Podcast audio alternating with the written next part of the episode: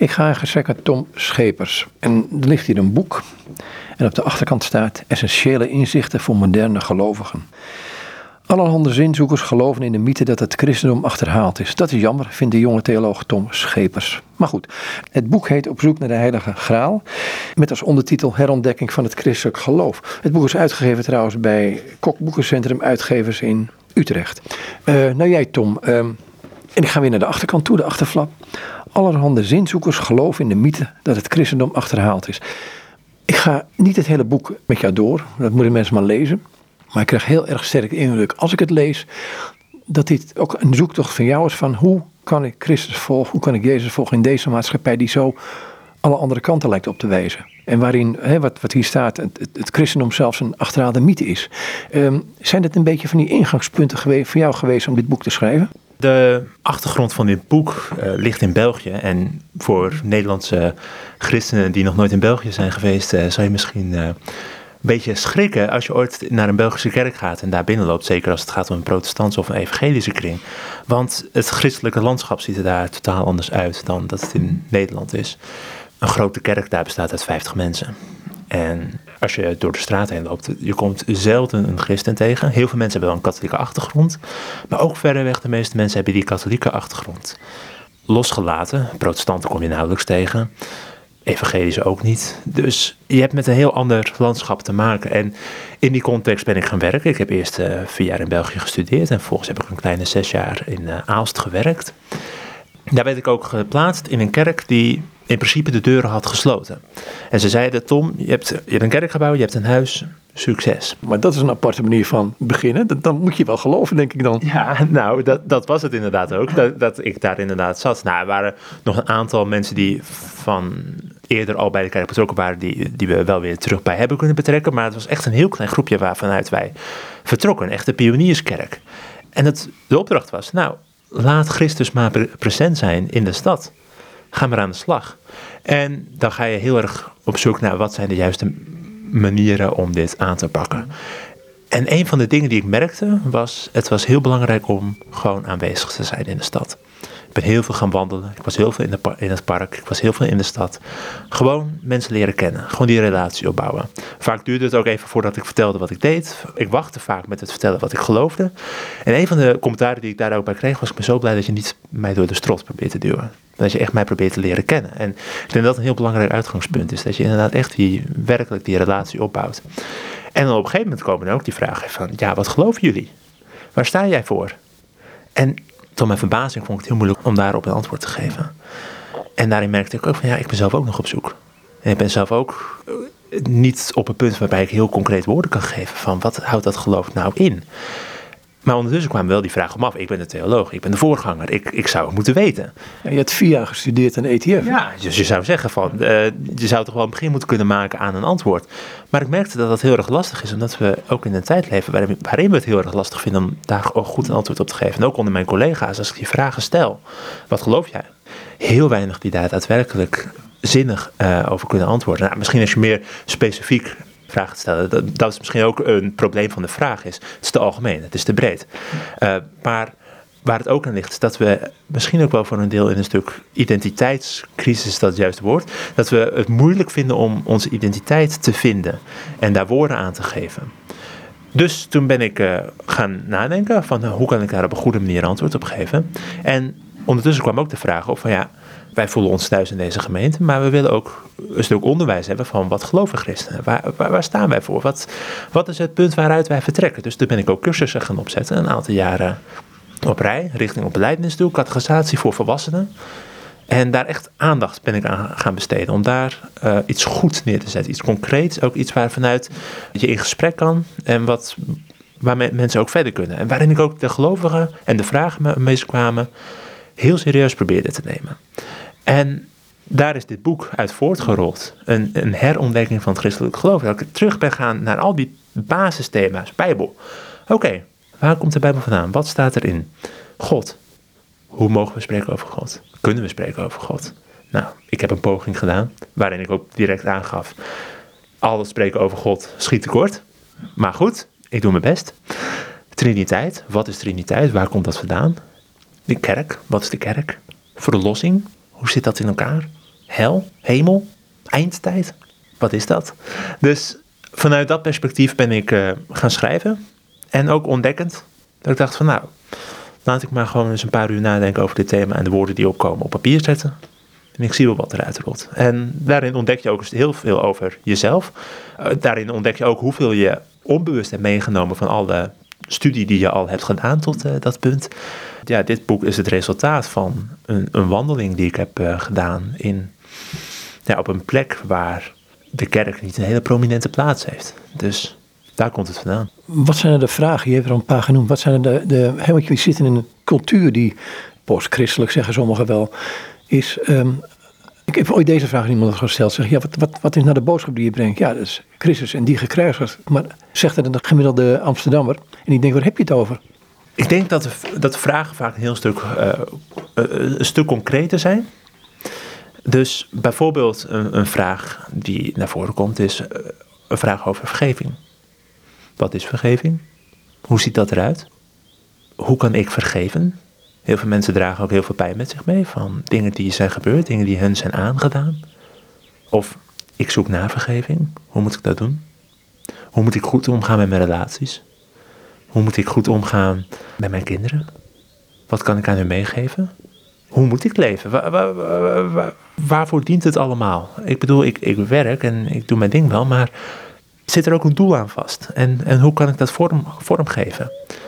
Ik denk onderliggend ook een vraag die heel veel naar voren komt, zonder dat mensen die woorden geven die ik nu zelf geef. Wie moet ik aanbidden? Want als je God niet aanbidt, je aanbidt altijd iets of iemand. Is het geld, misschien is het een goede baan, misschien is het een bepaalde status die je ophoudt, misschien is het een voetbalster, maar je aanbidt altijd iemand. Maar wie moet ik aanbidden en op welke manier doe ik dat? Hoe ziet dat eruit? En hoe integreer ik dat op een goede manier in mijn leven? Want ik kan niet mijn hele leven wijden uh, als een monnik die uh, zes uur per dag uh, zit te bidden en de rest van de tijd uh, zit te bidden terwijl hij aan het werk is. Dat, dat, dat is het ook niet. Dus hoe doe je dat op, hoe integreer je dat op een goede manier in, in je leven? Ik denk dat dat heel veel concrete vragen zijn die allemaal een stukje aanraken van wat betekent het om christen te zijn in deze wereld. En vanuit die vragen ben ik, ben ik gaan schrijven. Je hebt het boek genoemd Op zoek naar de Heilige Graal. Waarom deze titel? Want er staat een prachtig voorwoord over in. Ja, dus het uh, voorwoord is gebaseerd op het uh, verhaal van uh, Christine Detrat. Een middeleeuwse schrijver die het verhaal van Parsifal heeft geschreven. En Parsifal, dat was een jonge ridder. Voordat hij ridder werd, werd hij door zijn moeder in huis gehouden in de bossen van Wales. En dat deed zij omdat haar man en haar andere twee zonen, die ouder dan Parsifal waren, allemaal waren omgekomen in de oorlog als ridder. En zij had zoiets van, ja, dit is mijn laatste zoon, ik wil niet dat hij sterft. De wereld is te gruwelijk, dus ik hou hem maar heel dicht bij me. En ik zorg ervoor dat hij de wereld niet kent. Dus wat zij doet is, zij houdt hem naïef. Zij durft hem niet over te geven aan de wereld. En als ik hem maar hier veilig hou, dan zal hij niet aan dezelfde dood sterven, aan hetzelfde lot overlijden als zijn broers en vader. En Parsifal die groeit op. Het is een vreselijk naïef jongetje. En dan komt hij op een gegeven moment ridders tegen. En hij heeft nog nooit zoiets moois gezien. Hij is helemaal onder de indruk van hun uitrusting. En hij zegt, ik wil ook ridder worden. Nou, zijn moeder die uiteindelijk sterft, zij van verdriet omdat ze haar zoon is kwijtgeraakt aan het ridderschap. Hem wordt er weggewezen naar de koning die hem een uitrusting kan geven. Hij vindt dan op een gegeven moment koning Arthur. Ik ga het verhaal niet helemaal herhalen, maar hij krijgt op een gegeven moment ook een uitrusting. En hij krijgt ook een stuk onderwijs van verschillende figuren. En een van de onderwijzingen die hij kreeg was: als je iets niet weet, moet je dat niet direct vragen, waar iedereen bij is. Maar houd die vraag in je achterhoofd en stel het later aan iemand op een discrete manier. Hij komt dan op bezoek bij een visserkoning en de visserkoning is ernstig ziek. En hij ziet een plaat met eten voorbij komen en een beker, een graal en een lans die bloedt. Dat zijn allemaal symbolen trouwens van het heilige avondmaal. Dus ook de lans. In sommige katholieke kerken zie je dat er nog steeds een lans, iemand die een lans draagt, uh, ook aanwezig is in de kerk. De kerk van Leuven heeft dat bijvoorbeeld. Hij ziet dat allemaal voorbij komen en hij weet niet wat het is. Maar hij heeft geleerd, ik moet het nu niet aan iedereen vragen. Dus de dag daarna vraagt hij het heel discreet. En degene aan wie hij het vraagt is bijzonder verontwaardigd, want de viskoning is dood. En de beker is verdwenen, de lans is verdwenen, alles is weg. Hij krijgt geen antwoord op de vraag die hij zoekt. Hij vervalt ook een stuk in een diepe depressie. Dat hij ook niet weet wie moet ik aanbidden, op welke manier moet ik leven, wat betekent om een goede ridder te zijn. Want hij maakt fouten na fouten na fouten. Het, het loopt allemaal verkeerd en hij komt voor vijf jaar in de wildernis terecht. Waarin hij geen land of god of koning heeft om te dienen en te aanbidden. En dan is het Goede Vrijdag. Hij rijdt door de straten van de stad en dan komt er een groep ridders en vrouwen naar hem toe die vragen aan hem: Waarom rijd jij op een paard met je uitrusting aan op Goede Vrijdag? Dat mag helemaal niet. Want het was Goede Vrijdag en op die dag, dus een heilige dag, dan mag een ridder niet op die manier zichzelf vertonen. En dan vraagt hij: Wat is Goede Vrijdag? Vervolgens verwijzen zij hem naar een, kluizenaar en ze zeggen: Ga maar naar die kluizenaar toe en hij zal jou wel uitleggen wat het allemaal inhoudt. Dus hij volgt het pad naar de kluizenaar. En zodra hij de kluizenaar ziet, dan valt hij op zijn knieën neer. Hij begint te huilen en hij beleidt zijn zonden. Hij vertelt waar het allemaal verkeerd is gegaan en wat hij allemaal met zich meedraagt. En de kluizenaar zegt tegen hem: Eet wat ik eet. En drink wat ik drink. En luister naar mijn woorden in deze dagen. Maar de periode tussen Goede Vrijdag en Pasen, dat is een periode waarin kluizenaars niks eten. Dat is een vaste periode.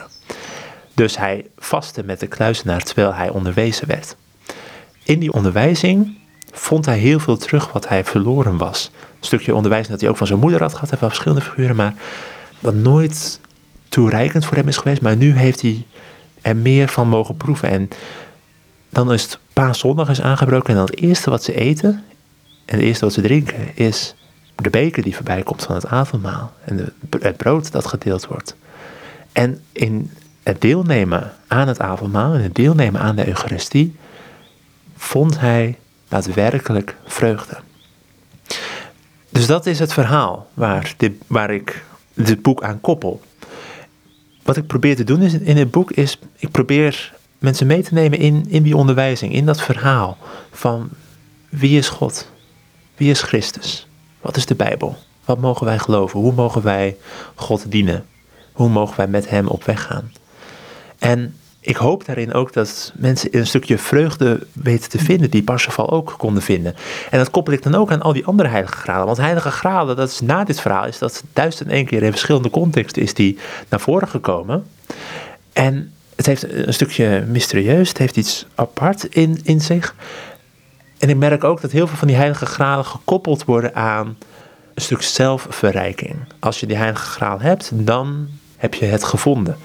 Maar heel vaak zijn die heilige graden op onszelf gericht. Bijvoorbeeld een heilige graal zou een zelfhelpboek kunnen zijn... dat je gaat vertellen hoe word ik rijk. En dan de heilige graal is, als je dat eenmaal hebt verkregen... is die rijkdom. Maar waar je achter zal komen is... eenmaal je die rijkdom hebt vergaard... en je denkt het allemaal te hebben... dan kom je erachter dat dit het ook niet is. Dan ga je die vraag stellen van, is dit het nu? Dus het mooie is ook, die, het, het is altijd iets dat je ontvangt... maar als je denkt te hebben, dan ben je het alweer kwijt... Want het is iets wat je ontvangt om het ook weer door te mogen geven. En het weer omhoog te mogen geven. Dus dat is ook de zoektocht waarin ik zeg van ik wil, ik wil dat je niet allemaal kant-en-klaar bieden, maar ik wil dat je wordt meegenomen in dat denkproces. Niet zodat je aan het einde van de rit alle antwoorden hebt, want ik heb ook niet alle antwoorden. Maar wel dat je met je ziel op weg mag gaan. Met God. Op zoek naar God. En op zoek naar het leven dat daadwerkelijk richting geeft. Je hebt het over een ziel. Hebben wij een ziel dan? Uh, als ik een van de, de, Joodse filosofen hoor van deze tijd, die zegt van ja, we hebben geen ziel. We zijn hackable. Hè? Zoals een computer hackable is, zijn we ook hackable wezens. We hebben geen eeuwige geest. Dit is materie. Um, daar heb je mee te maken ook. Ja, nu zeg je, eh, het is allemaal maar materie.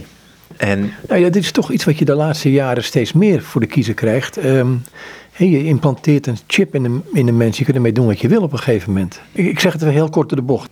Ja, ik ben, het, ik ben het zelf niet eens met het idee dat alles materie is. Uh, ik denk dat dat een, uh, inderdaad een idee is dat in deze periode heel sterk is opgekomen. Maar je ziet nu ook dat er steeds meer tegengeluid is. Een van de dingen die ik ook in dit boek heb geprobeerd te doen, is dat ik niet alleen binnen het theologische lijntje ben gebleven, maar ook ben gekeken naar andere disciplines. En wat er nu in andere disciplines ook heel sterk naar voren komt, is van ja, wacht eens even, een puur materialistisch wereldbeeld werkt niet. Neem bijvoorbeeld de tafel waar wij nu aan zitten. De tafel we zouden kunnen zeggen van dat is materie. Maar op een bepaalde manier is dat niet alleen materie. Want materie, dat zijn enkel deeltjes. De deeltjes moeten ook op een betekenisvolle manier met elkaar worden verbonden. wil het daadwerkelijk betekenis krijgen. Dus wat is met deze tafel gebeurd? Nou, iemand, eh, iemand heeft een boom gekapt en die boom is verwerkt in, eh, in houten planken. En die houten planken die zijn verwerkt op een betekenisvolle manier aan de tafel. En die tafel, de tafel is enkel op deze manier gevormd omdat het een bepaald doel dient. Dus daar zit heel veel geesteswerk achter, heel veel ja, bewustzijn achter, dat zou je er ook wel achter uh, kunnen zetten. Er zit heel veel ziel achter, uh, heel veel geestelijke inspanning om de materie op een betekenisvolle manier bij elkaar te laten komen. De hele schepping, alles wat we zien, alles wat is gemaakt, is een combinatie van het aardse, de materie, die op een betekenisvolle manier in elkaar is gesproken, is gebracht.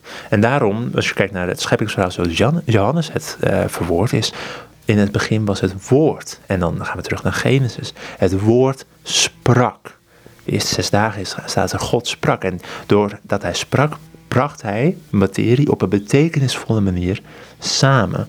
En doordat alles op een betekenisvolle manier is samengebracht, kunnen wij er ook in leven en kunnen we er ook in handelen. En wij kunnen op die manier ook dingen betekenisvol samenbrengen. Uh, ik zou zelfs nog een stap verder durven te gaan, is dat we niet enkel zeggen van nou we, we doen het enkel door een tafel in elkaar te zetten, dat je iets betekenisvol samenbrengt. Enkel door te kijken en woorden te geven aan fenomena die je ziet, uh, ben je al aan het scheppen. Dus als je kijkt naar de Bijbel, zie je op een gegeven moment de opdracht dat Adam krijgt van God. Geef namen aan de dieren. En dan, en dan geeft hij namen aan de dieren. Doordat wij namen op dingen plakken, geven wij betekenis aan dingen die we zien, waardoor het ook daadwerkelijk uh, zichtbaar wordt. Ik ben zelf uh, fan van wielrennen, dus ik, ik gebruik graag dit uh, voorbeeld. Als je naar wielrennen kijkt, dan zie je vaak een hele grote groep fietsers. Dat is een peloton. En de meeste mensen die naar kijken, die zien gewoon een grote groep fietsers. Maar als het in aanloop is van het einde van een etappe, dan kan ik zeggen, er is ook een sprinttrein, of er zijn meerdere sprinttreinen in het peloton zichtbaar. En dan wijs ik dat aan. En dan zie je inderdaad dat er vaak vier of vijf mannetjes met hetzelfde pakje aan achter elkaar rijden. Dan zie je opeens in het peloton betekenis verschijnen. Oh wacht, die zijn dat aan het doen en die zijn dat aan het doen en die zijn dat aan het doen. En zo ontstaat er betekenis voor degene die aan het kijken is. Doordat we er woorden aan hebben geplakt. Kijk naar de sprinttrein, hoe die is opgebouwd. En op die manier zijn we ook constant door woorden te plakken op fenomenen die wij zien, krijgen die ook daadwerkelijk betekenis.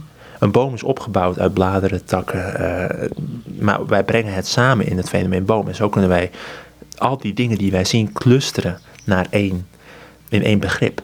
Je gebruikt in het boek uh, onder andere um, Dante als voorbeeld. Hè, van onbestaan en bestaan. Kun je daar iets over zeggen? Een van de dingen die ik naar voren kwam, waar ook zeker de, de, de uitgever van zei van schrijf daar ook over. En hij had gelijk, er zijn heel veel vragen over, die ik ook ben tegengekomen. Is hoe mogen we spreken over de hel? En ik durfde dat niet aan te raken, want het is een heel eng onderwerp om aan te raken. En er zijn zoveel verschillende meningen over. Dus wat ik, wat ik heb gedaan, is ik ben, ik, ik, ben teruggevallen op Dante. En Dante die heeft eh, natuurlijk een bekende goddelijke komedie uh, geschreven. En een onderdeel daarvan is de hel. En een heel mooi beeld dat hij gebruikt, is dat hij niet zegt van het centrum van de hel is vuur. Want het centrum van het want vuur, dat is warmte, dat leeft, dat brengt materie in beweging. Nee, het centrum van de hel, volgens Dante, is ijs. En wat gebeurt er bij ijs? Bij ijs komen deeltjes tot stilstand. Ze bewegen niet meer, ze leven niet meer, ze doen niet meer. En daaraan koppelt hij ook het idee van de mensen die zo diep zijn gezakt. Het is niet dat zij vervagen in iets vreselijks. Nee, het is dat zij vervagen in onbestaan. Ik leefde niet meer, ik besta niet meer. En alles wat ik heb, alles wat ik ben, is nu betekenisloos geworden. Dat is die eis waarin wij tot stilstand komen. Dat is ook iets wat hij sterk ervoer toen hij zelf geestelijk die diepte inging en op die plaats was waar het zo vroor. Is, het was, het was, hij omschreef het. Het was zo vreselijk, het was niet pijn, nee, het was erger dan dat. Ik verloor mezelf in onbestaan. En ja, dat zou je inderdaad kunnen koppelen aan dat idee van het de deeltjes die zijn tot stilstand gekomen. Ik ben niet meer op een betekenisvolle manier samengebracht. Ik ben niet meer op een betekenisvolle manier in beweging onderweg. In Hebreeën staat zoiets van dat God deze wereld schraagt of onderhoudt. Ehm, het leven zonder God kan, als ik dat verder doortrek, dit de verhaal, toch leiden naar zelfvernietiging uiteindelijk. Omdat we God daar geen plek in geven. Dus denk hetzelfde kunnen doen. Zelf, ja, zoals zelfgenoegzaamheid nu in het Westen. Van wij kunnen het. En ik denk, ja, uh, iets meer bescheidenheid.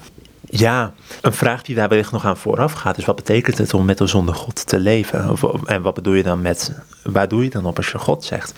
God openbaart zichzelf aan Mozes als ik ben die er zijn zal. En dit is eh, theologisch zou je dat eh, op een andere manier ook kunnen uitwerken. God die zegt ik ben de grond van alles dat bestaat. Ik ben, de, ik ben de grond van alles dat leeft en beweegt. En dat is. En wellicht zouden wij kunnen, zijn de mensen die kunnen zeggen: God bestaat niet. Maar op een bepaalde manier, vanuit dit godsbeeld, kan je dat helemaal niet zeggen. Want dan zeg je: niets bestaat, niets leeft, niets beweegt. Want je neemt de grond daarachter weg. En wat ik denk is: ja, je, kan, je kan nog steeds inderdaad zeggen: van ik geloof niet in God. Op een bepaalde manier kan je dat zeggen. Maar daarin koppel je je ook los van de grond van het bestaan de patronen die het leven maken en die ons leven richting geven.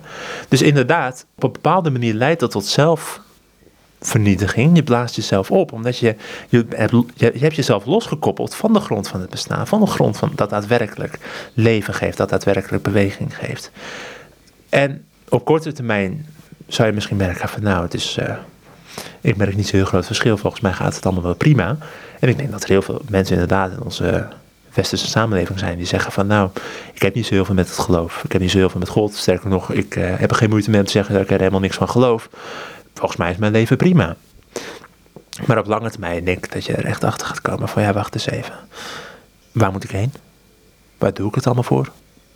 Wat heeft het allemaal voor zin? En dan misschien ook misschien op een groter maatschappelijk plek. Want we zijn in de tijd ook heel erg vaak individualistisch aan het denken.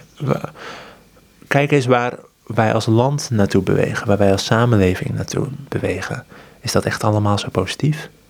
gaat het echt allemaal de goede kant op of mogen we daar ook vraagtekens bij zetten? En ik denk dat we, zeker in een tijd leven waarin we erachter komen wat er gebeurt wanneer we ons als samenleving loskoppelen, maar denken dat we wel gewoon door kunnen leven. We, we vervallen in heel veel schuld. We vervallen in heel veel zonde. En dat is ook een collectief iets dat je met, met elkaar meedraagt. Dus het is niet alleen iets dat op individueel vlak gebeurt, ook al gebeurt dat op individueel vlak, maar ook als samenleving, wanneer je jezelf loskoppelt van de grond van het bestaan, wanneer je denkt van ja, wacht eens even, ik kan, ik kan wel op een andere manier leven. Ja, je wordt altijd ingehaald door de realiteit. En dat is iets waar wij, uh, wat we nu ook mogen ervaren. Hoe ervaar je dat? Een van de manieren waarop ik dat ervaar is dat we de waarde van leven totaal geen prioriteit meer geven in onze samenleving. En dan kan je natuurlijk direct gaan op zaken als euthanasie en abortus. En ja, inderdaad, ik denk dat we een groot, op een grote manier onderschatten wat de waarde van het leven is. Daar moet een gesprek over gevoerd worden. En ik denk dat we dat gesprek totaal niet aan het voeren zijn in onze samenleving. Maar je zou ook kunnen kijken naar wat is belangrijker? Winst maken voor een bedrijf? Of daadwerkelijk goed omgaan met de mensen die worden geraakt door het, bedrijf dat wordt gerund. En als je kijkt naar bijvoorbeeld de technologie die nodig was om deze microfoon waar ik nu in spreek, of de telefoon die nu op tafel ligt, om dat te maken. Daar is zoveel mens onterend aan vooraf gegaan. Dat we zeggen, ja wacht even, dat, dat, dat is toch een mens, dat is toch zoveel waard. Maar we zijn dat voor een heel groot gedeelte zijn we dat idee kwijt. En dat is op heel veel vlakken. Als je gaat kijken, hoeveel waarde geven wij daadwerkelijk aan de mens? Dan kom je erachter dingen als winstoogmerk, eigen comfort, vinden we allemaal veel belangrijker dan een stukje menswaardigheid. Ehm, de manier waarop wij omgaan, bijvoorbeeld ook met ouderen, die uh, op een gegeven moment richting het levenseinde gaan. We hebben vroeger, eh, ik zeg niet vroeger was alles beter, vroeger was niet alles beter. Elke tijd heeft zijn goede, uh, goede kanten en slechte kanten. Maar een van de dingen waarvan ik denk van dat is een groot verschil met vroeger is, vroeger hadden wij oudsten. En oudsten zijn dragers van wijsheid. Nu hebben wij ouderen. Dat is een economische last. En het liefst zie je heel veel, ik ben het zelf ook in mijn werk tegengekomen. Die steken we weg. Dat is onhandig. En uh, dat is niet goed. Ja. Er zitten twee dingen, schieten me er door me heen. Je mag beide antwoord geven. Eén is, um, ik heb hier zo'n iPhone liggen. Waarvan ik weet dat kinderen geëxploiteerd worden in Congo om ze uit mijnen te halen. Ik denk dat ik zou het ding gewoon niet moeten gebruiken. Maar zonder dat ding kan ik niet functioneren. Dus ik doe mee aan de exploitatie van kinderen op dit moment. Ik doe mee in de zonde van deze maatschappij. Aan de andere kant zit er ook een, een, een aspect aan in, in wat jij zegt. Uh, dat heeft te maken met succes en vruchtbaarheid. Um, en dan wil ik er een derde bij halen van in deze context, uh, waarin je meedoet aan de zonde van de maatschappij, zo noem ik het maar. Kun je Jezus wat volgen? Het eerste antwoord dat in me opkomt is uh, de, rijke man die aan Jezus vraagt: Wat moet ik doen om het koninkrijk der hemelen te verrijken? En als Jezus die zegt, verkoop alles wat je hebt, geef het aan de armen en volg mij. Dus er, er, in de boodschap van Jezus zit een heel radicaal element die zegt, die wellicht zegt van nou gooi die eigen overboord, gooi alles overboord, uh, verkoop alles en volg mij. Dus dat element komt in zijn boodschap naar voren. Antonius deed dat, hè? een van de woestijnvaders. Ja. Die hoorde dat en die wist, dit is voor mij. Maar zo denken wij niet. Zo denken wij niet. En ik denk ook dat we een samenleving opgebouwd, hebben opgebouwd waarin dat nog nauwelijks mogelijk is. Ik bedoel, het is zelfs illegaal om niet een zorgverzekering te hebben. Dus je moet op een bepaalde manier rijkdom vergaren. Je moet een bepaalde, er is een bepaalde minimumstandaard om, mee te kunnen, om te kunnen leven in deze samenleving. Van geld dat wij moeten vergaren per jaar. En dat, dat heeft ook een problematisch element. Want daardoor kan je ook niet meer op die manier alles overboord gooien. Tenzij je jezelf heel erg ver in de marge wilt gooien. Dus dat, dat is een spanning waarin je leeft. Een tweede beeld dat naar voren komt is, ik schrijf over de opbouw van een kerk in, in dit boek. En een kerk is opgebouwd uit, uit verschillende delen. Je hebt, in, de kerk heb je het, altaar. Uh, ik heb het nu over een, eh, een, traditionele opbouw van een kerk. Een altaar, dat is, het heilige, dat is het heilige. Dat is het volmaakte. Daar vindt het plaats. Dan heb je het schip waar de gelovigen zitten. En dan achter het schip, helemaal aan de voorkant, waar mensen binnenkomen, dus tussen het stadsplein en de kerk, heb je de narthex. En de narthex, dat is de plaats waar zondaren leven, om het maar heel plat te zeggen. Er wordt, het wordt ook gezien als de plaats waar pelgrims mogen overnachten.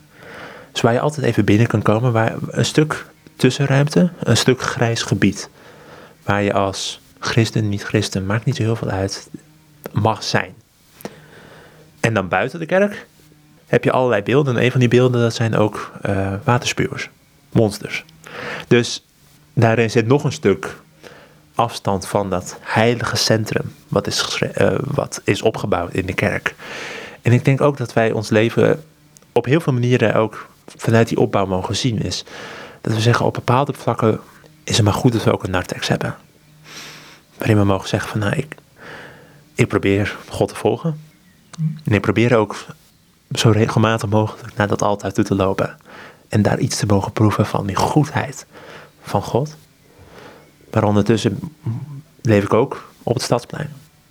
En kwam er ook heel veel dingen op me af waar ik nou eenmaal mee geconfronteerd word.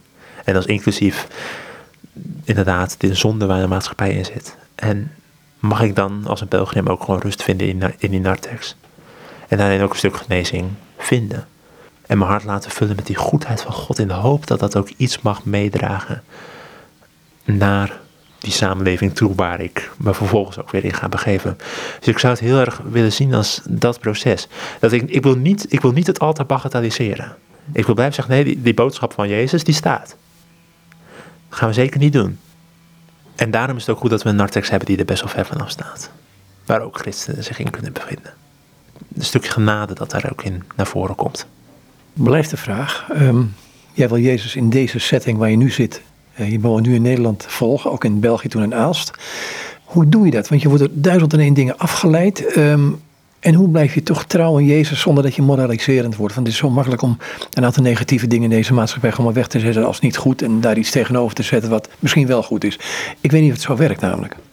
Ik zou het inderdaad ook niet willen wegzetten als dit is wel goed, dit is niet goed. Hoewel, op een bepaalde manier mag er ook een oordeel klinken. Dat, uh, dat hoeft niet per se verkeerd te zijn, maar een oordeel is altijd complexer. Dus dat is ook een probleem waar we in, in onze samenleving erg tegenaan lopen, is dat wij over heel veel dingen heel makkelijk een oordeel uitspreken. We zijn echt een meningensamenleving. En als je dan daadwerkelijk erin duikt, dan kom je erachter dat het altijd complexer is dan dat het lijkt. Ook bij de telefoon. Dus ik denk een stuk gematigdheid is ook gepast. Nou, om, terug te gaan naar de opbouw van de kerk, is uh, Chesterton. Ik uh, benoem het kort in uh, een van de vragen die ik stel in het boek. vertelt een verhaal van een architect die allerlei dieren, lelijke dieren, in beeldhouwvorm laat komen. En daar wil hij de kerk uit opbouwen. En hij heeft het zo ontworpen dat die kerk heel erg mooi is wanneer die, die lelijke dieren op de juiste manier zijn samengeplaatst. En wat je dan ziet is dat als je het op de juiste manier samenplaatst, dat die lelijke dieren getransformeerd worden naar schoonheid. Nou goed, de vraag wat verder over de impact van de moderne samenleving. Ga, ga ik nu even niet op in. Een van de dingen die we mogen ondervinden, is dat ook daadwerkelijk een stuk transformatie kan plaatsvinden in onszelf, maar ook in de, waar wij mee interactie hebben, waar wij ons in bevinden, naar iets, naar een stuk schoonheid. Eh, het christendom is, het, het verlossingsverhaal is voor een heel groot gedeelte ook gericht niet op het wegdoen van, maar op een stuk transformatie dat er ook in plaatsvindt. En ik denk dat dat ook iets is waar je naar mag zoeken, naar mag streven. Is dat je, en dan niet, ik ga het zelf transformeren. Zodra je dat doet, dan, dan, ga, je, uh, dan ga je een andere richting. Nee, ik ga in deze concrete context waar ik me in bevind, ga ik op zoek naar hoe mag ik hierin God dienen.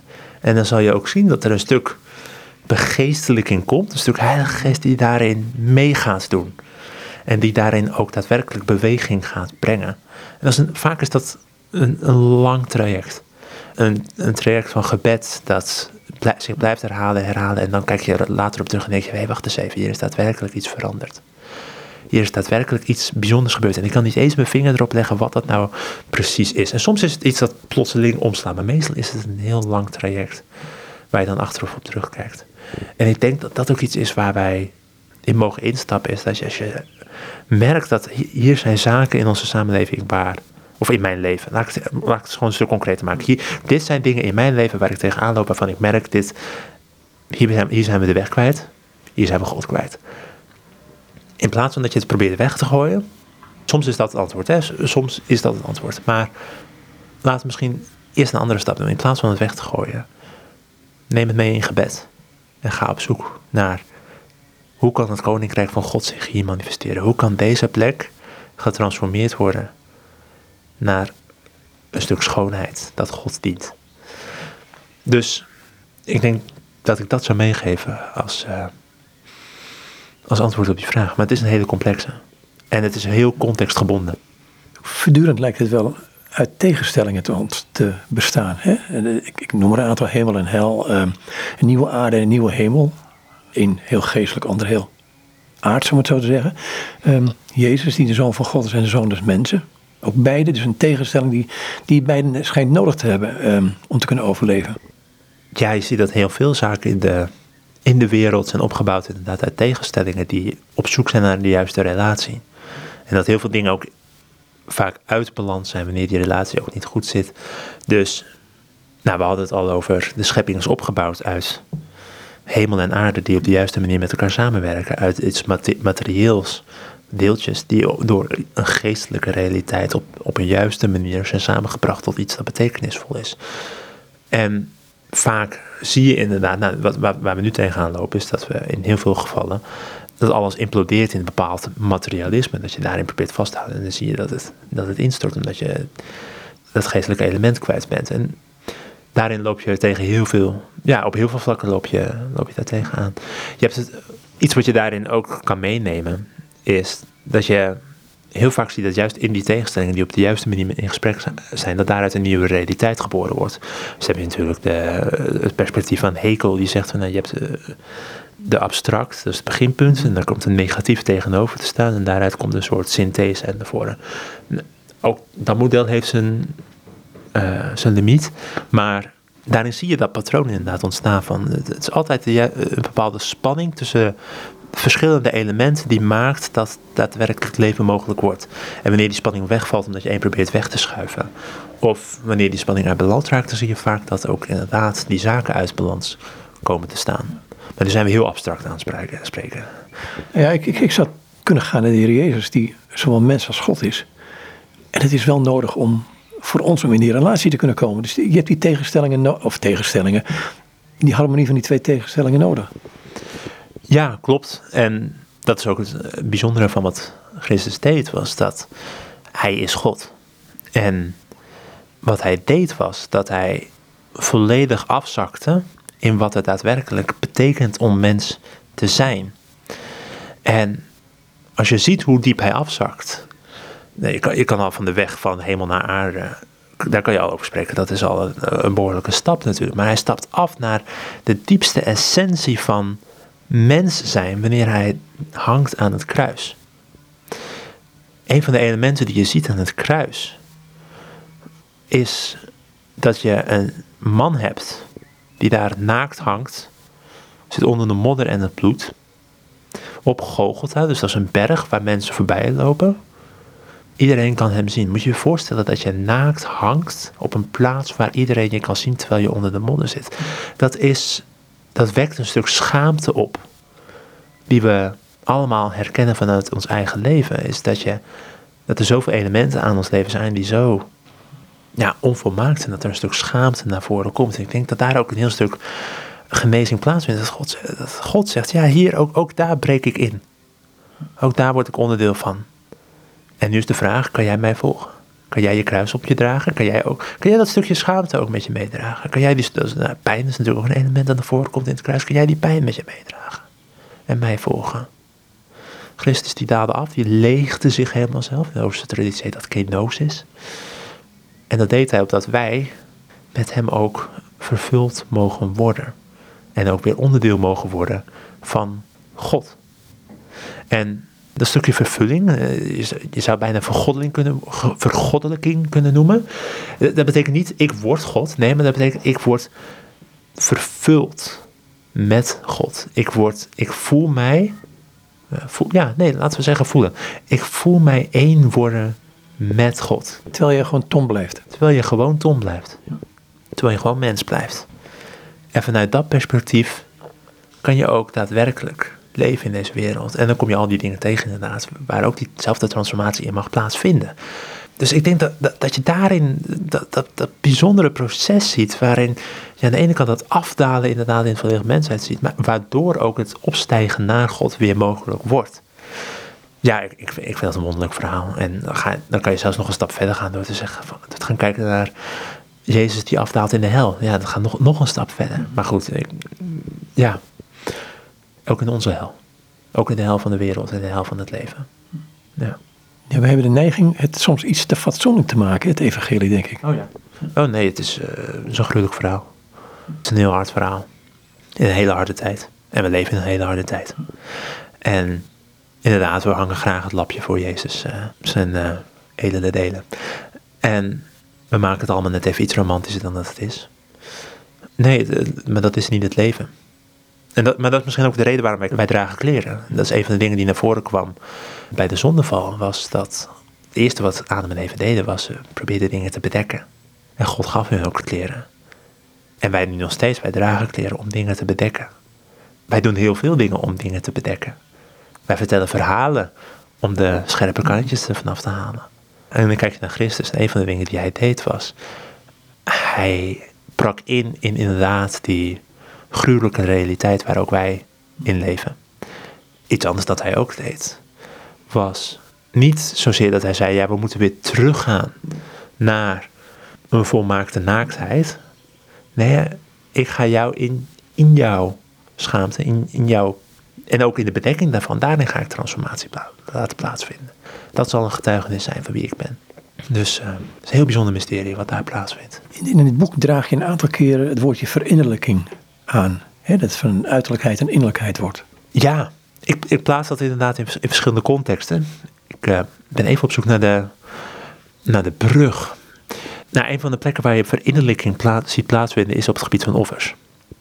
Dus in heel veel culturen, in heel veel tijden, vonden offers plaats. Dus je brengt een dier naar een altaar en op dat altaar slacht je het dier. Het bloed is voor God en dan het vlees dat wordt verbrand en de rook is voor God en dan samen eet je het vlees op. Ja, Ik moet even bijzeggen dat in het boek besteed je dus heel veel aandacht aan uh, de Bijbel, het Oude Testament, het Nieuwe Testament. Gewoon een stukje basis. Ja. Uh, educatie bijna. Ja, klopt. Dus ik probeer inderdaad ook gewoon want ik, ik heb dit boek ook geschreven in een context waar heel veel mensen zijn die heel weinig van het geloof afweten. Dus ik heb ook geprobeerd om dat stuk gewoon mee te nemen. Inderdaad, van wat staat er in de Bijbel? Een stuk uh, ook culturele achtergrond, uh, dat er ook uh, in naar voren komt. En wat je dus ziet bij offers is dat dat dat een praktijk was. En dat daar langzaam een verandering in plaatsvond. Waarbij ook in het Oude Testament steeds meer naar voren komt. Ik verwacht van jou geen offergave. Wat ik van jou verwacht is een transformatie van jouw hart.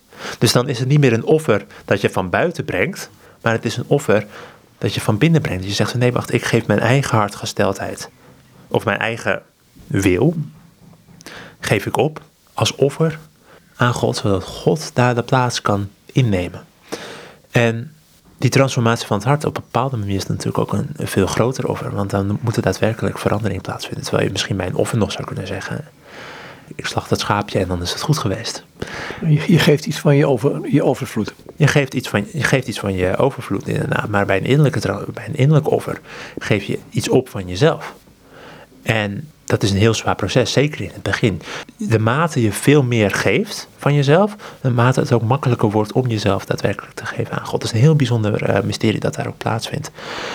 En daarin, dan kom je er ook achter van hoe meer je van jezelf opoffert, hoe meer je daar ook voor terug wint. En hoe, hoeveel er ook verrijkt wordt. Maar dat is niet iets wat ik, ja, ik kan het nu wel zeggen, maar het is echt iets wat je zelf zou moeten ervaren. Ik ga het even heel concreet maken. Een aantal jaar geleden moest ik uh, vanwege gezondheidsredenen moest ik stoppen met eten van suiker. Ik maakte die keuze, oké, dat ga ik gewoon doen. Ik, vanaf nu eet ik niets meer waar. Geen suikerhoudende producten eet ik niet meer. We zijn allemaal hartstikke verslaafd.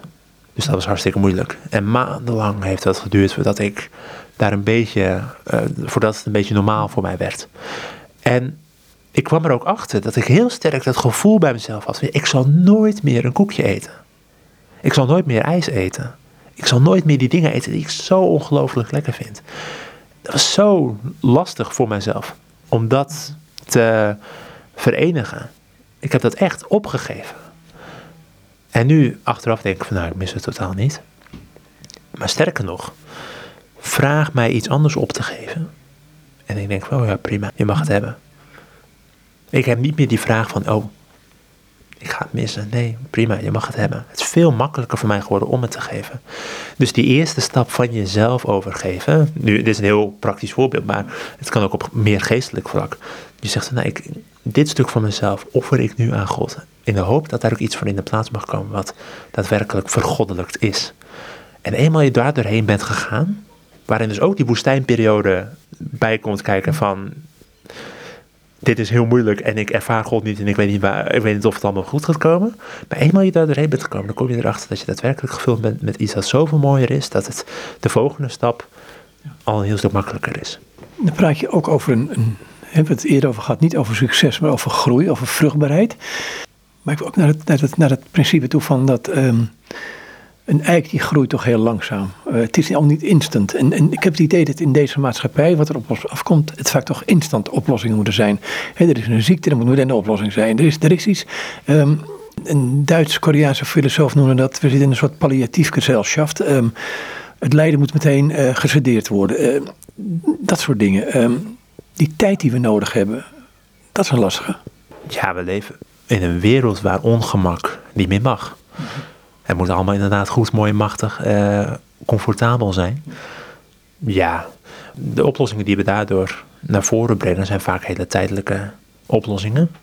Die het probleem voor zich uitschuiven. Dus we zijn, het is alsof je een creditcard gebruikt. En waarvan je zegt, ik betaal dat aan de, de volgende maand wel uit. Want nu wil ik niet leven met het ongemak die het met zich meebrengt. Het probleem, misschien is dat ook een van de redenen waarom het christendom het ook niet zo... Uh, waarom er ook veel achter... Uh, nou, er zijn heel veel redenen voor ontkerkelijking. Een van de redenen misschien ook, of misschien is dat ook een gevolg ervan, ik weet het niet. Die erbij komt kijken is, uh, christelijk geloof is geen instant oplossing. En als je denkt dat het een instant oplossing is, dan is er iets heel erg fout gegaan. Er zijn momenten die heel betekenisvol kunnen zijn. En dat is heel mooi. Prachtig. Fantastisch dat God dat aan jou geeft. Maar wandelen met God gaat niet al je problemen instantly oplossen. Het, uh, het is een heel lang proces. Het is een heel zwaar proces. Waarin je ook jezelf moet verliezen. De drempel is heel hoog. Dat is het christendom. En ik wil die drempel ook heel hoog leggen. De drempel die ik ook in dit boek leg, is hoog. Ik, ik, ik, ik geef geen uh, kant-en-klaar gemakkelijk christendom mee. Wat ik wel wil meegeven is, omdat de drempel zo hoog is, als je daar ook daadwerkelijk in instapt en ook daadwerkelijk jezelf daarin verliest, dan kom je er aan de achterkant uit. En dan kom je erachter dat je daadwerkelijk een transformatie hebt doorgemaakt die veel betekenisvoller is dan al die instant oplossingen die we nu zien. Dus wat dat betreft is het ook een stukje countercultural. Dat je mm. tegen de cultuur ingaat op dat vlak. Je zegt, ja, ik blijf onderdeel van de cultuur, ik blijf daarin deelnemen, maar ik ga niet meer voor de instant oplossingen. Ik vind het oké om even niet me gemakkelijk te voelen, om in dat ongemak mezelf te begeven. In hoeverre, want daar besteed ik ook aandacht aan um, in het hoofdstuk over de kerk. In hoeverre verlangen wij eigenlijk van een dienst ook dat het instant oplossingen geeft? het, het, het, ik, zie veel mensen shoppen. Kijken of daar leuk, of daar leuk is. En ja, hij is toch een betere predikant en daar is een betere voorganger. Of de muziek is daar beter. Ik denk, jongens, waar gaat het nog over? Ja, de kerk voor een deel is natuurlijk ook een reflectie van de samenleving. En dat zie je ook hierin terug. Een van de dingen die ik merk dat in de prediking heel vaak gebeurt, is dat we, dat we de prediking aan het psychologiseren zijn.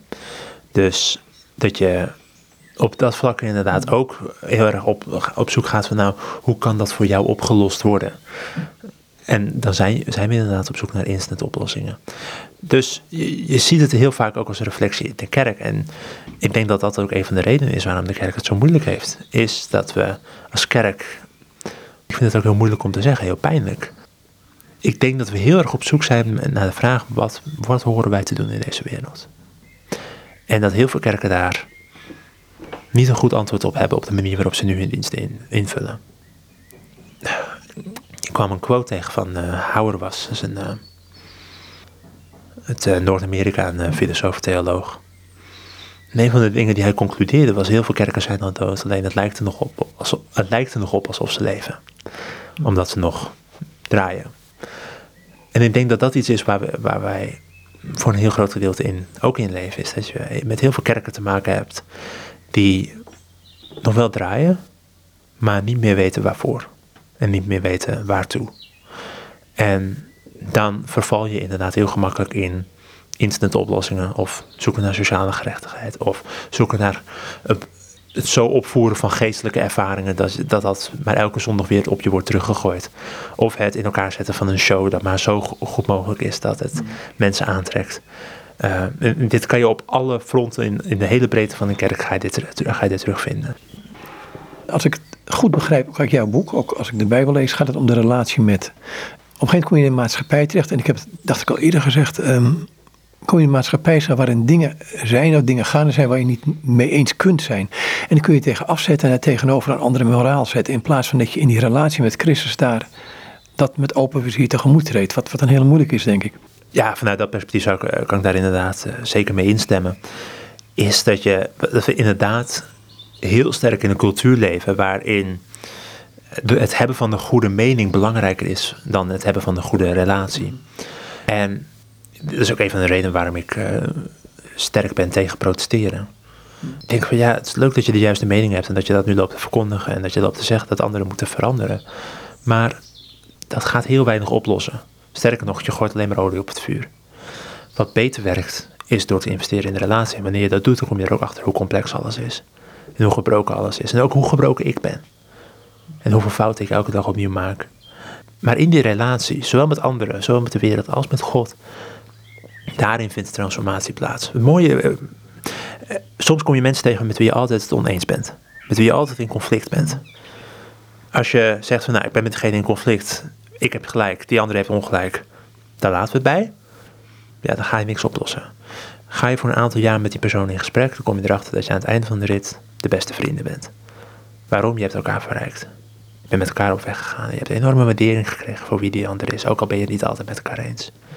En soms kom je er ook achter dat je op heel veel vlakken wel met elkaar in harmonie leeft, maar dat je er andere woorden aan geeft. Dus als je merkt van, ik voel afkeer tegen een persoon bijvoorbeeld. In plaats van, ja, soms, soms maar goed, ook contextgebonden. Heel vaak kan dat heel erg werken door, door te werken aan die relatie. Want daar vindt heel vaak heel veel genezing plaats. En het is heerlijk om met elkaar oneens te zijn. Ja, het is heerlijk om met elkaar oneens te zijn. En het is ook heerlijk om af en toe te kunnen zeggen: de discussie die wij voeren is totaal niet zo relevant als dat wij denken dat het daadwerkelijk is. Een van de dingen waar ik ook achter ben gekomen terwijl ik in België werkte, was dat, het al, dat alle kerkelijke discussies waar we het in Nederland over hebben, dat dat veel minder relevant is dan dat wij vaak denken wanneer we in de Nederlandse kerkendiscussie zitten. Want daar heb je één protestantse kerk, je hebt een aantal evangelische kerken, je hebt de katholieke kerk, een aantal migrantenkerken, een aantal Oost-orthodoxe kerken, maar die zijn allemaal, het is allemaal heel erg klein. En je probeert allemaal maar gewoon te overleven en God te dienen. En dan kom je terug in Nederland en dan zie je een discussie tussen de christelijk gereformeerde kerk, de eh, gereformeerde kerk vrijgemaakt en de Nederlands gereformeerde kerk. Eh, kan me allemaal niks schelen. maar het kon me wel schelen voordat ik naar België ging. Het kan me nu allemaal niks meer schelen. Ja, dus, daarin, dus dan, eh, dat helpt ook om, om, erachter, om altijd in je achterhoofd te houden van, van die discussie die ik nu aan het voeren ben, waar ik zo gepassioneerd over ben, wat ik zo belangrijk vind, wellicht is het een stuk minder belangrijk dan dat ik op voorhand dacht. Je zegt, dat kan mij niet meer schelen. Wat kan jou wel schelen dan? Ja, je bent nu weer in een Nederlandse setting. Ja, je geeft in het onderwijs les, dus je, je hebt geen gemeente onder je. Maar wat kan je nu wel schelen? Wat mij wel kan schelen is het hart. Het hart dat in verbondenheid mag leven met God. En dat gaat in eerste instantie is dat iets wat, wat over mijn eigen kringen gaat. Dus over mezelf, over uh, mijn vriendin, over mijn familie, over de mensen om me heen. In de klas waar ik sta. Wat is, wat is, het, hart, wat is het hart dat ik daar voel wanneer ik daar ben? Heb ik het idee van, uh, daar leef ik op een goede manier samen met de kinderen aan wie ik onderwijs mag geven. Is dat daadwerkelijk goed of is dat ook gebroken? En op welke manier? Hoe mag ik daarin investeren? Hoe mag ik daarin God vinden die transformatie kan brengen? Hoe mag ik voor hun bidden? Ook voor de kerk. Als ik een kerk binnenwandel, hoe wandelen jullie met God? Hoe wandelen jullie met elkaar? Wat is belangrijk voor jullie? Ik denk dat, dat we daarin heel erg op zoek mogen gaan. dat is niet een, niet een kant-en-klaar antwoord opnieuw, maar zijn wij op zoek om de weg met Christus te gaan naar Gods koninkrijk? Zijn wij op zoek om, om daadwerkelijk getransformeerd te worden naar eenheid met God, verbondenheid met God? En dat maakt mij uit. En vanuit dat perspectief zeg ik, als ik dat proef en dat proces proef, het, het, het, is bijna nooit volmaakt. Als ik dat proces proef, dan zijn heel veel andere zaken een stuk minder belangrijk voor mij. Of niet meer belangrijk. Je het boek genoemd een soort herontdekking van het christendom. Je, bent, je hebt een christelijke opvoeding gehad, om het zo maar te zeggen. Wat is die herontdekking van jou? Is het voor jou ook een herontdekking geweest? Want het klinkt bijna alsof je pas werkelijk daarna christen bent geworden. Nou, nee, ik ben altijd al christen geweest. Ik ben uh, wel opgegroeid in een hele specifieke kerkelijke context waar ik vervolgens uit ben gestapt. En dan in een andere kerkelijke context heb ik gewerkt. Dus daarin kom je wel verschillende perspectieven tegen. De herontdekking die ik bij mezelf heb gevonden is dat ik alles in vraag heb gezet in dit boek. Dat ik niets voor lief heb genomen. En ook heb geprobeerd, hoewel het niet altijd lukt, om voorbij een bepaald jargon te gaan. Ik wil niet meer voor de eenvoudige antwoorden gaan. Want de context waarin ik werkte, daar was een eenvoudig antwoord niet toereikend. Want het is allemaal niet evident. Als iemand die helemaal niets van de Bijbel weet en jou vraagt: wat is de Bijbel? Ja, dan dan moet je dat ook voor jezelf weer een vraag gaan stellen. En waar begin je, denk ik dan? En waar begin je inderdaad? En hoe bouw je dat op? En, en wie is God? Ja, dan moet je dat ook voor jezelf weer een vraag gaan stellen. Dan moet je voorbij je eigen jargon, voorbij je eigen vooronderstellingen gaan. En dan kom je erachter dat er heel veel meer te zeggen en te vinden valt dan dat je in eerste instantie had. En dat daarin ook een, in eerste instantie een innerlijke transformatie plaatsvindt voordat je dat mag doorgeven aan de anderen. En dat is iets wat ik heel sterk heb ervaren in dit hele proces. Dat ik niet alleen iets heb mogen geven, maar dat ik ook veranderd ben. Dit boek, ik heb niet alleen dit boek geschreven, dit boek heeft ook mij geschreven. En daarin vindt een hele bijzondere relatie plaats, die werkt naar transformatie. Je hebt het boek, um, staat er een aantal hoofdstukken, ja logisch, het is een boek. En aan het eind van elk hoofdstuk heb je een aantal vragen ingelast. Is het nou de bedoeling dat mensen dit ook in kringen kunnen gebruiken? Ja, dus een van de dingen die we kunnen doen is, of die mensen kunnen doen is, een boek kopen vanuit een kerkelijke kring. En dat je samen een boek leest. Of dat één iemand het leest en daar bepaalde dingen voorbereidt. En dat je inderdaad daar, van daaruit ook die vragen gaat bespreken. Misschien komen er ook nog andere vragen naar voren die je met elkaar wilt bespreken. Maar deze vragen zijn echt een, inderdaad een, een uitnodiging om ook met elkaar over, over deze hele grote thema's in gesprek te gaan. En ook, voor je, ook met elkaar te ontdekken van Wat geloof ik? Hoe kijk ik naar de Bijbel? Hoe denk ik na over God en Triniteit? Verlossing, wat betekent dat? Want ja, het is heel makkelijk om te zeggen, Jezus is voor mij zonde gestorven. Maar wat bedoel ik daarmee? Wat bedoelen wij daarmee wanneer we dat zeggen in de kerk? En dan kom je erachter dat het dat gesprek ook heel veel rijkdom biedt en heel veel inzicht geeft in waar wij staan. En ook dat gesprek kan ook leiden tot een uitnodiging van, hé, wacht eens even, misschien moet ik hier mee aan de slag. Want ik weet het niet zo goed. Misschien moet ik hier eens wat meer over gaan bidden, gaan praten met andere mensen, gaan lezen. Want dit zijn vragen waarvan ik in eerste instantie dacht, vanuit kerkjargon, hier kan ik een antwoord op geven. Maar als ik het daadwerkelijk probeer zelf woorden aan te geven, dan lukt het niet zo goed. Dus, dus wat dat betreft is dit boek ook echt een uitnodiging om ja, dat denkproces in te gaan van waar, waar geloof ik in. Ja, je zegt van hoe denk ik over God, maar je zou ook kunnen denken van hoe denkt God over mij? Dan moet je wat de Bijbel van lezen natuurlijk, maar goed, ik, ik zeg het een beetje ondeugend. Ja, dat, dat is inderdaad een, eh, een hele goede vraag en ook een hele belangrijke vraag. En ook daarin, ook daarin eh, dat, is, dat is inderdaad uh, ook, ook zo'n reis die je moet maken. Ik kan nu een aantal hele kant-en-klare antwoorden geven. Maar ook dat is niet toereikend, want dan verval, verval je in datzelfde taaltje. Maar als je inderdaad die vraag stelt en daar een tijdje over gaat nadenken en over gaat nabidden en gaat napraten en gaat nalezen, dan zal je waarschijnlijk heel veel antwoorden vinden waar je in eerste instantie niet aan gedacht hebt. En ik vind dat, ik vind dat alleen maar heel erg mooi dat het mag en dat het kan. En wellicht dat dat ook een vraag is die inderdaad naar voren komt uh, bij het lezen van het boek. Ik denk het ook. hey, ik wou het hierbij laten. Dankjewel. Dankjewel. En dit is Tom Schepers. En met hem was ik in gesprek over het boek. Of op basis van het boek Op zoek naar de Heilige Graal. Herontdekking van het christelijk geloof heet het.